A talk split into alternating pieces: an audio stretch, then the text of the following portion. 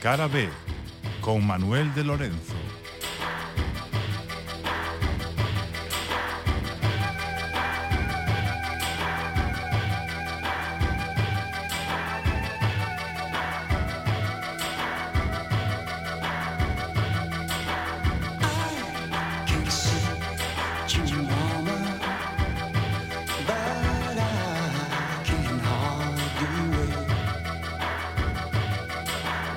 such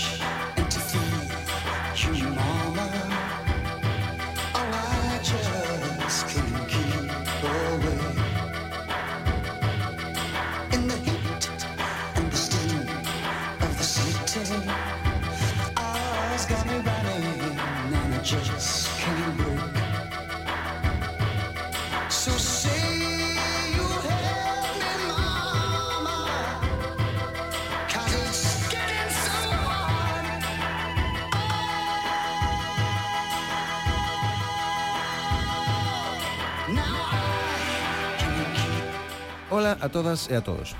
Unha cousa que sempre me pareceu ben curiosa, xa que comezamos o programa escoitando de fondo a Genesis, é o xeito en que a moitas das grandes bandas dos anos 60 e 70 se lles estragou o compás cando chegou a década dos 80. Desorientáronse, non sabían ben como adaptarse aos novos sons, os novos instrumentos, os novos tipos de cancións, é algo que lles aconteceu a moitos eh, porque de súpeto o rock progresivo deixou de estar de moda, o hard rock avanzaba polo seu propio camiño, endurecéndose cada vez máis sen mirar atrás, o folk quedara esquecido nun caixón, a música disco surdira case da nada, e os grandes mitos do pop non sabían que facer. Eles que foran a vanguarda Agora trataban de seguirlle o ritmo a unha nova xeración que entendía a música dun xeito totalmente distinto, non? Algúns andaban como a pitas sen cabeza, era como se perderan o suizo tratando de demostrar como fora posible que eles seguían a ser modernos. E o que pasou pode resumirse en tres vertentes distintas. Uns seguiron a facer o que facían, cousa que non funcionou moi ben nos 80, pero que lles permitiu recuperar o pulso comercial nos 90. Outros trataron de adaptarse aos sintetizadores e as novas texturas e as estruturas desa década tan heteroxénea, e a cousa funcionou funcionou aínda peor, E por último, outros souberon adaptarse sen desentoar, non? Mesmo facendo traballos moi notables con cancións estupendas, como este Mama de Genesis do ano 1983.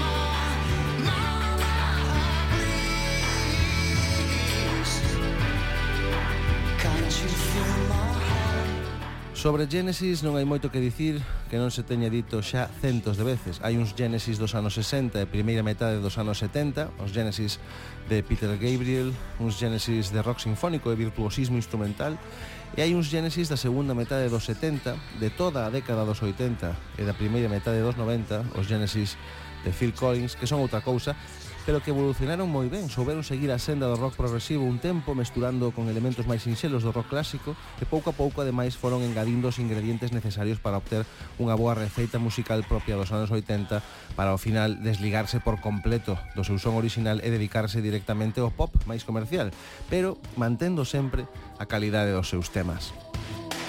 It's hot.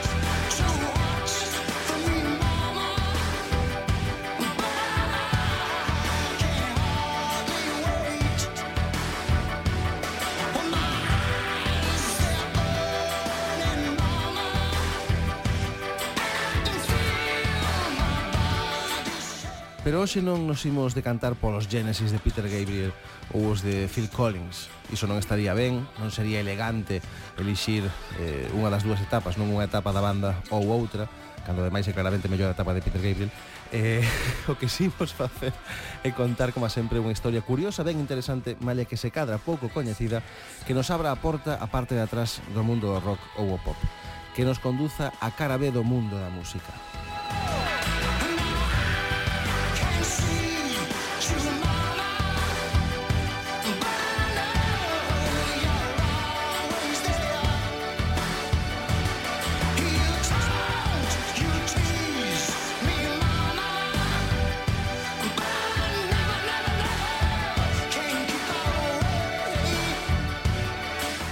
No episodio de hoxe imos falar do día en que Phil Collins, atención, actuou na mesma tarde nos dous lados do Atlántico.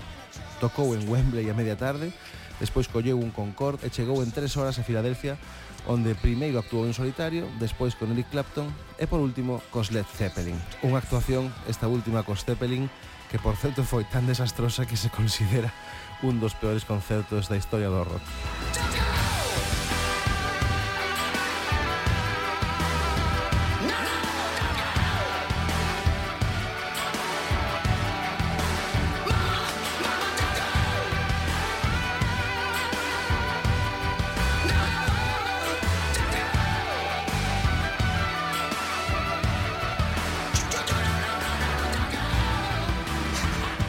Imaginade por un momento o que debe de ser actuar en Inglaterra para 70.000 persoas, coller un avión supersónico, chegar a Estados Unidos en tres horas e volver a actuar na mesma tarde para 80 e pico mil persoas, non?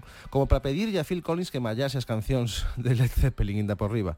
Agora imos con iso, eh, de paso con algunhas das mellores